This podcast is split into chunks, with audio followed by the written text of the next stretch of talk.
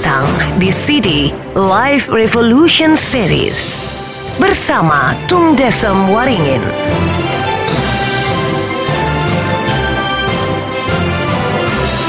Pelatih sukses nomor satu di Indonesia versi majalah marketing. Pembicara terbaik di Indonesia versi majalah marketing. The most powerful people and ideas in business in Indonesia versi majalah SWA.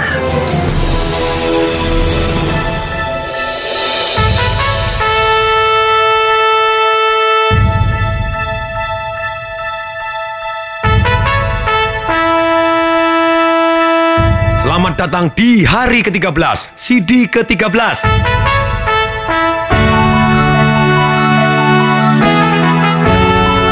Lucky number. Haha. Keterampilan berpikir menuju hasil yang dahsyat.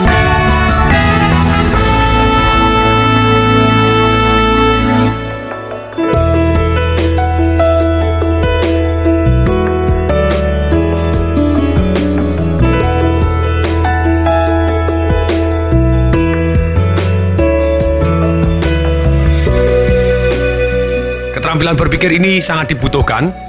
Rata-rata manusia ketika dia mendapatkan suatu pertanyaan atau suatu masalah, boleh dikata kalau kita tidak boleh ngomong 100% orang adalah emosional, ya udahlah 80% emosional, hanya 20% yang menggunakan keterampilannya berpikir. Saya satu contoh, pada saya memberikan training di sebuah bank, karena latar belakang saya dulu dari bank, saya sering kali diundang banyak bank juga.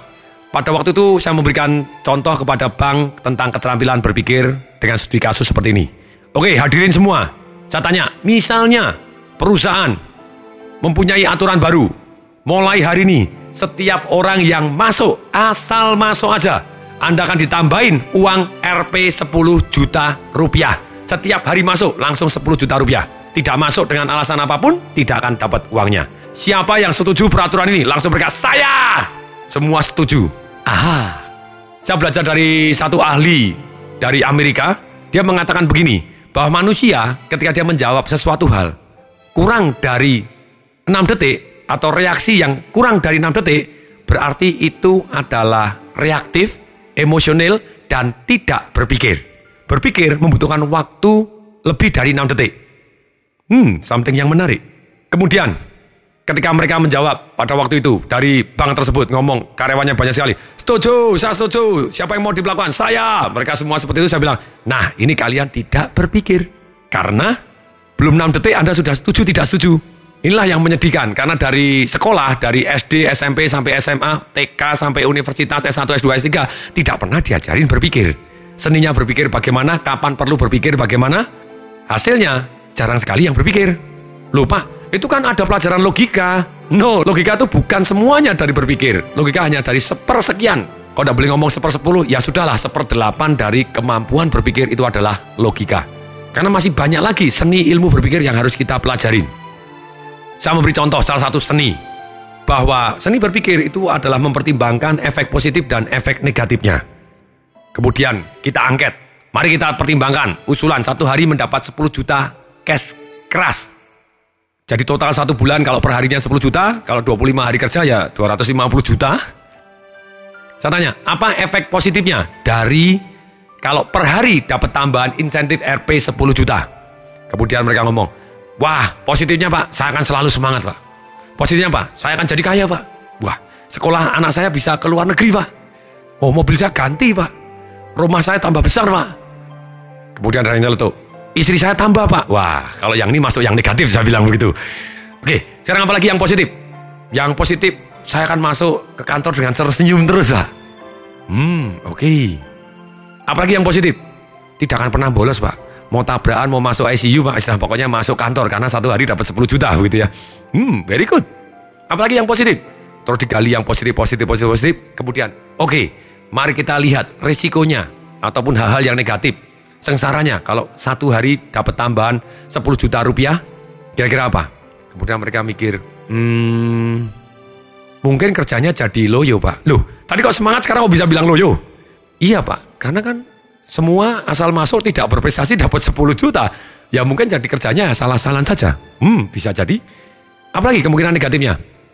kalau perusahaan memberi Anda satu hari tambahan 10 juta rupiah? Uh, bisa jadi perusahaannya bangkrut. Ah, kalau bangkrut apa yang jadi? Dikeluarkan, Pak. Kalau dikeluarkan gimana? Tidak punya kerjaan. Hmm, oke. Okay. Kemudian saya tanya lagi, apalagi yang kemungkinannya negatif? Tadi Pak, mungkin jadi kena ait karena ngawur Pak ke mana-mana gitu ya. Karena punya duit. Oke, okay, apalagi kemungkinan negatifnya? Saya tanya, kalau misalnya perusahaan kuat, bayar Anda satu hari 10 juta, tidak bangkrut dia. Ada nggak kemungkinan negatif? Ada Pak. Apa? Hmm, bisa jadi mendadak saingannya banyak Pak. Banyak orang yang mau masuk ke perusahaan ini. Akibatnya orang-orang yang tadinya bukan lawan kita karena dia jauh lebih pintar, lebih hebat, mau mendudukin posisi seperti kita dengan gaji yang kita terima karena itu sudah lebih besar dibanding perusahaan yang lama. Akibatnya kita kalah bersaing Pak, kita juga dikeluarkan. Hmm, something to think about. Sekarang, saya tanya, dengan kapasitas perusahaan ini, dengan total karyawan kamu sekian, kau dinaikkan satu hari tambahin 10 juta, berarti tambah Dihitung aja, total karyawan dikali semua kira-kira perusahaanmu mampu nggak? Wah ya nggak mampu Pak. Oke, sekarang dengan kondisi perusahaanmu yang hari ini, sekarang saya tanya, siapa yang setuju kira-kira satu hari Anda dapat tambahan 10 juta per harinya? Siapa yang setuju? Yang angkat tangan habis. Saya bilang, ah yang benar. Ini kalau angket tertutup, saya yakin sebetulnya betul sekali. Kalau angketnya tertutup, itu biasanya masih ada 20-30% orang yang ngeyel. Mana urus, pokoknya satu hari saya dapat tambahan 10 juta terlebih dahulu. Bangkrut, bangkrut, saya nanti akan cari kerjaan yang lain. Tetap ada orang yang tidak mau berpikir jangka panjang gitu ya. Hanya nikmat jangka pendek, sengsara jangka panjang, emangnya gue pikirin. Orang lain rugi, emangnya gue pikirin, pokoknya dia menang. Itu salah satu yang cara berpikir yang buruk. Hanya cari nikmat jangka pendek saja. Nah, itu adalah seni berpikir. Sekarang seni berpikir, salah satu bapak berpikir dunia yang saya sangat-sangat salut, yaitu adalah Edward de Bono. Ada boleh pelajarin buku-bukunya, buku-bukunya sangat fantastis. Salah satunya dia mengajarkan 6 topi berpikir. Kalau saya pribadi saya tambahin dua topi lagi, ini hasil kembangannya jadi 8 topi berpikir.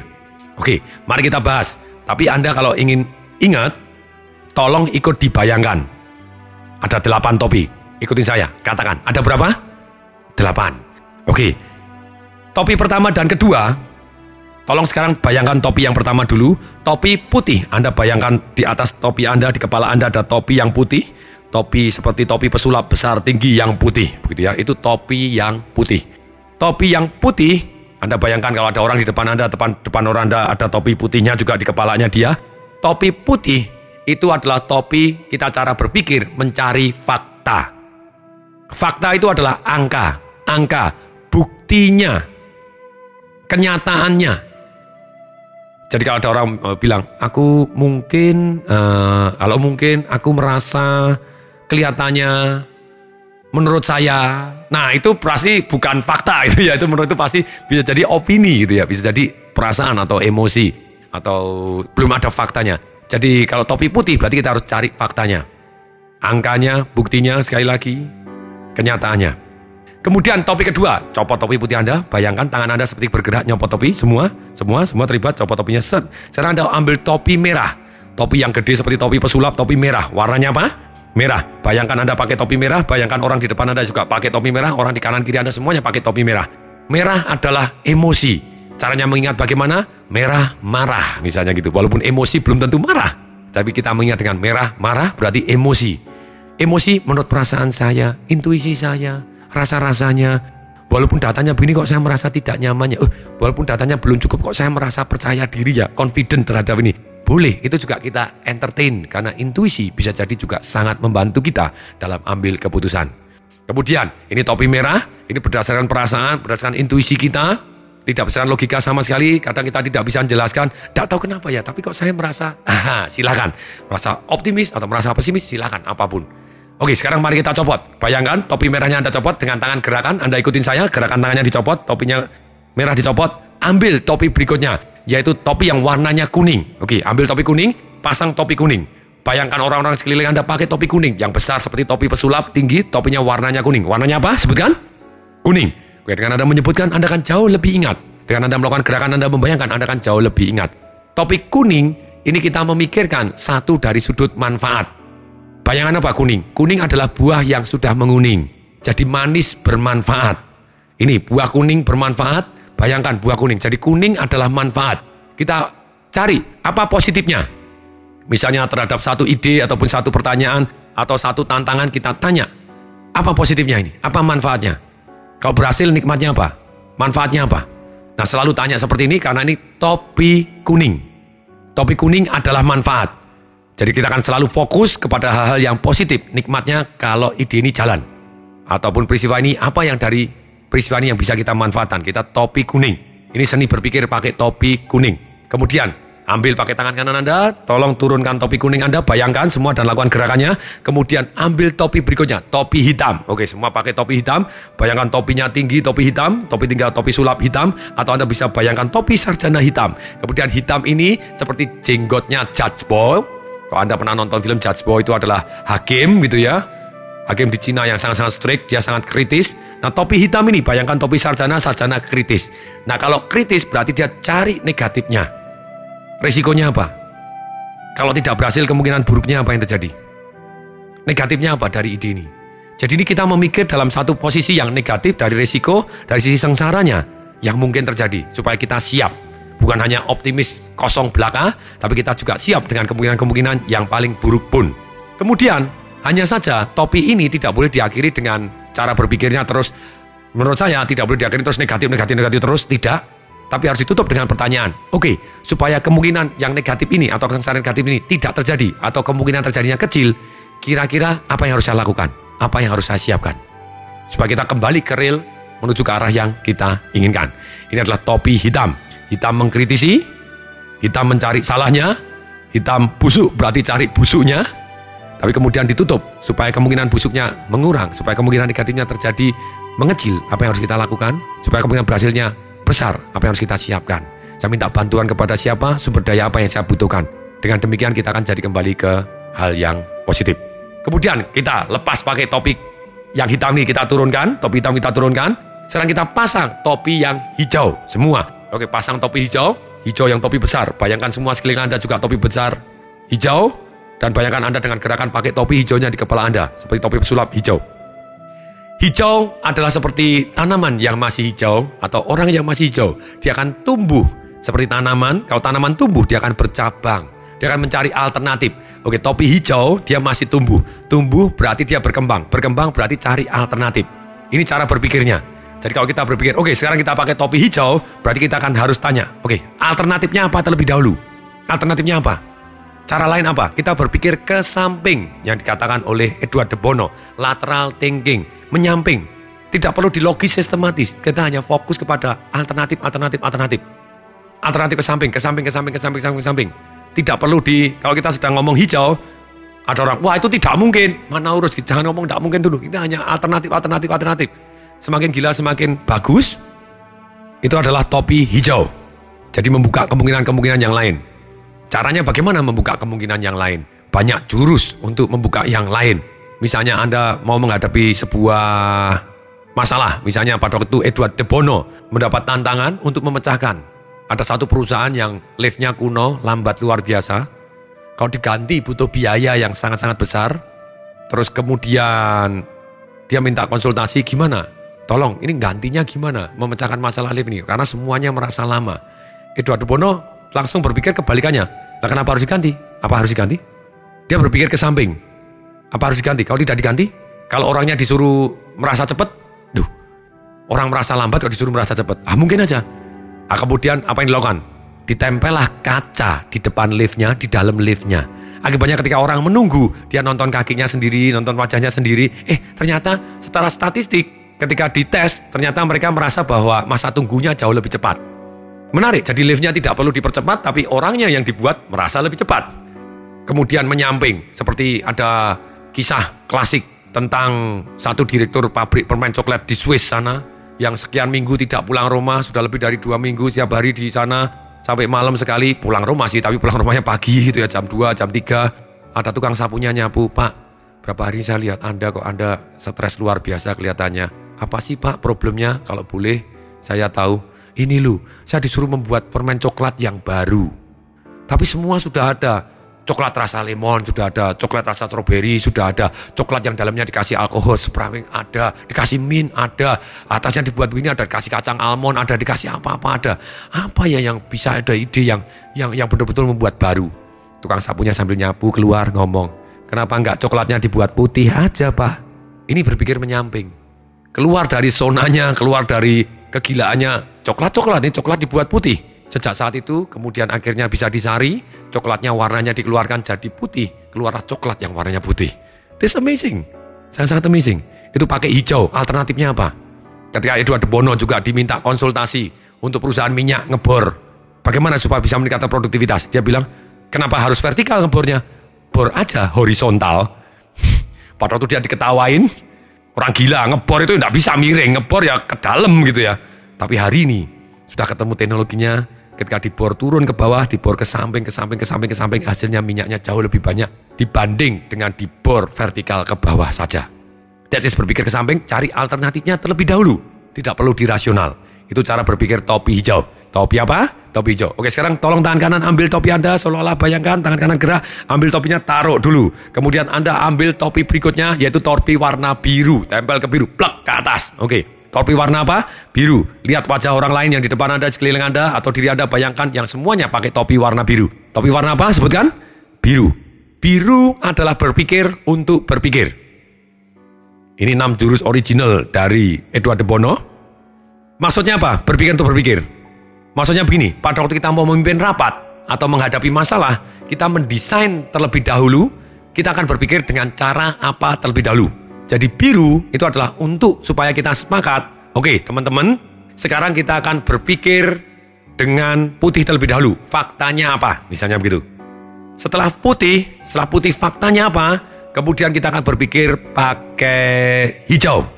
Dengan hijau kita akan keluar segala macam alternatif untuk menyelesaikan masalah ini.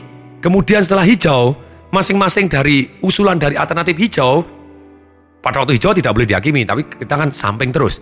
Kemudian setelah hijau, kita akan ngomong topi kuning. Ini urut-urutannya. Putih dulu, hijau, terus kuning. Manfaatnya apa semua ide. Terus kemudian hitam. Berarti risikonya apa semua ide dan bagaimana membuat risikonya lebih kecil.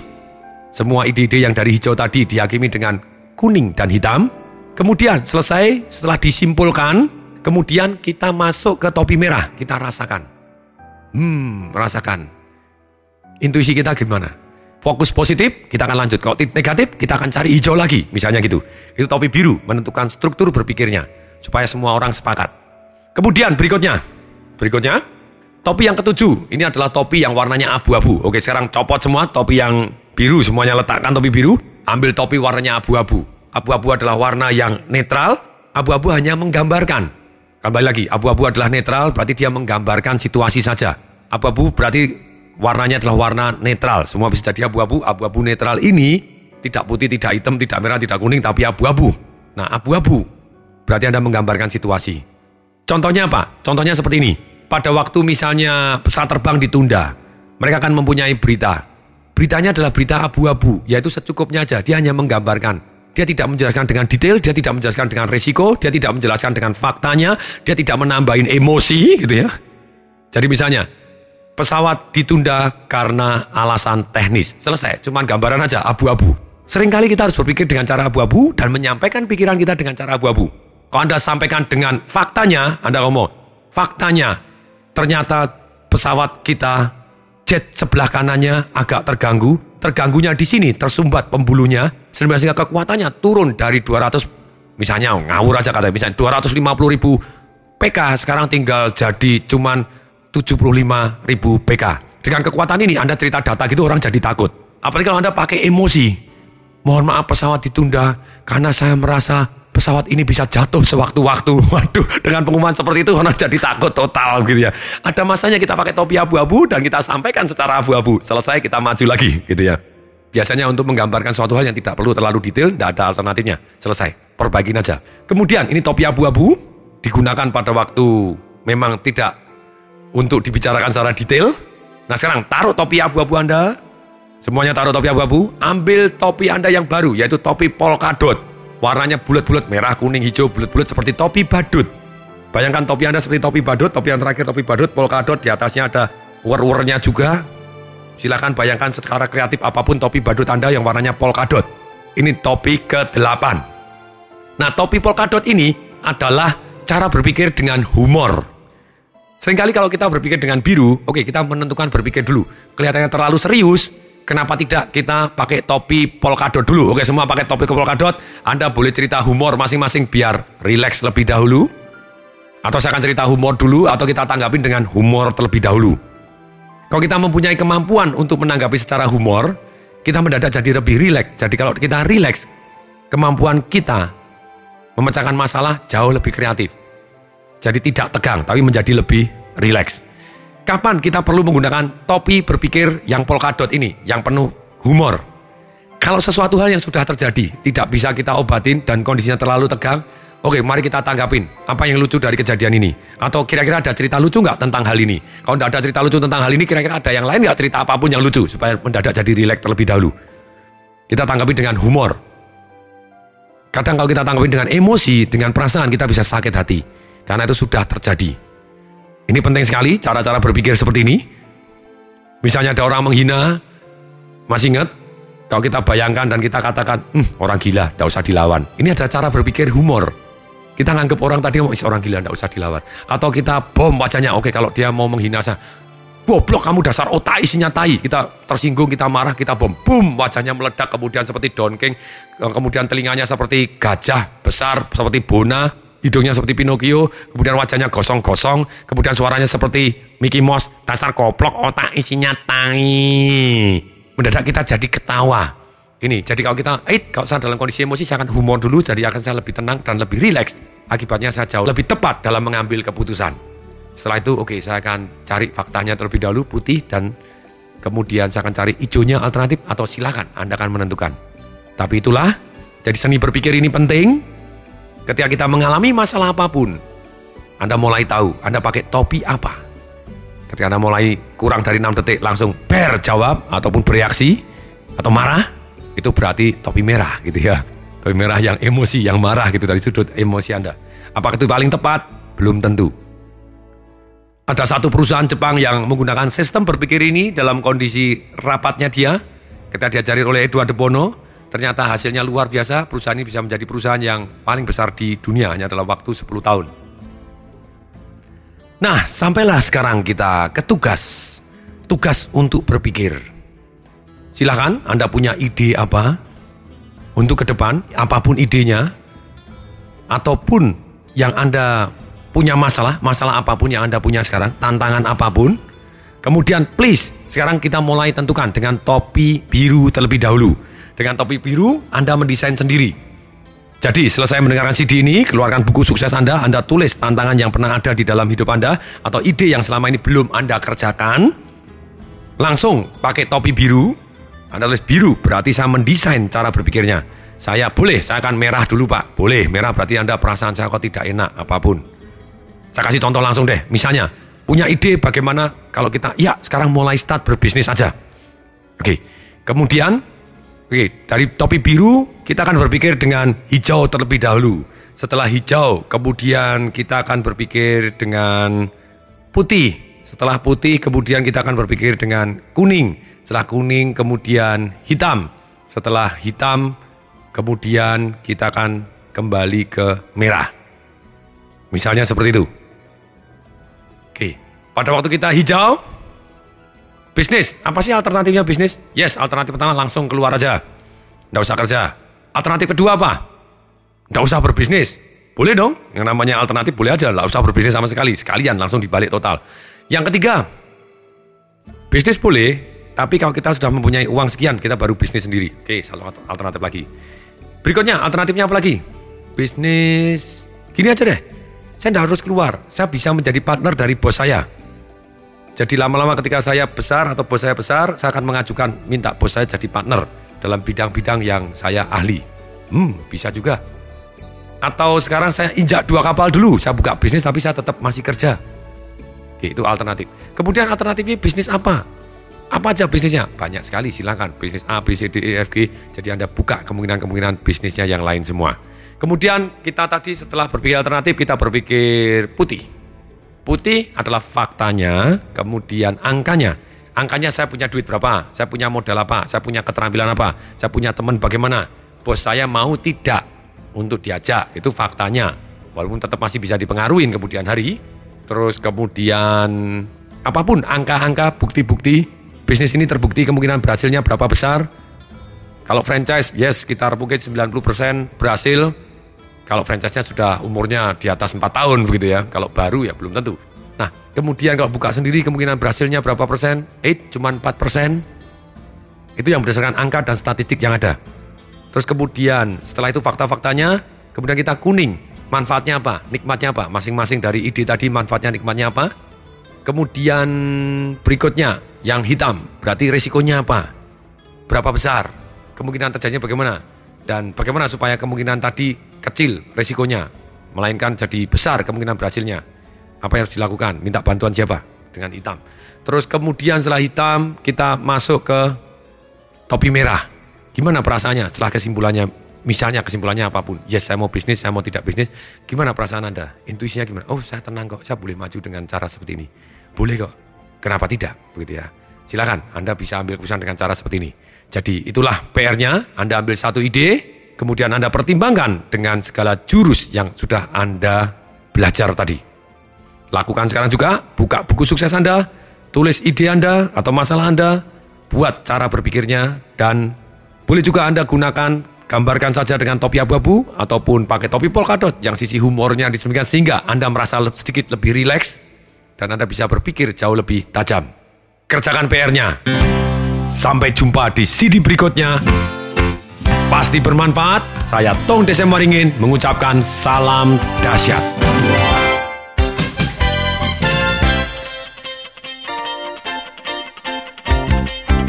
Informasi seminar atau pelatihan untuk meningkatkan motivasi, sales dan marketing perusahaan, Anda bisa menghubungi nomor telepon 021 547 6677.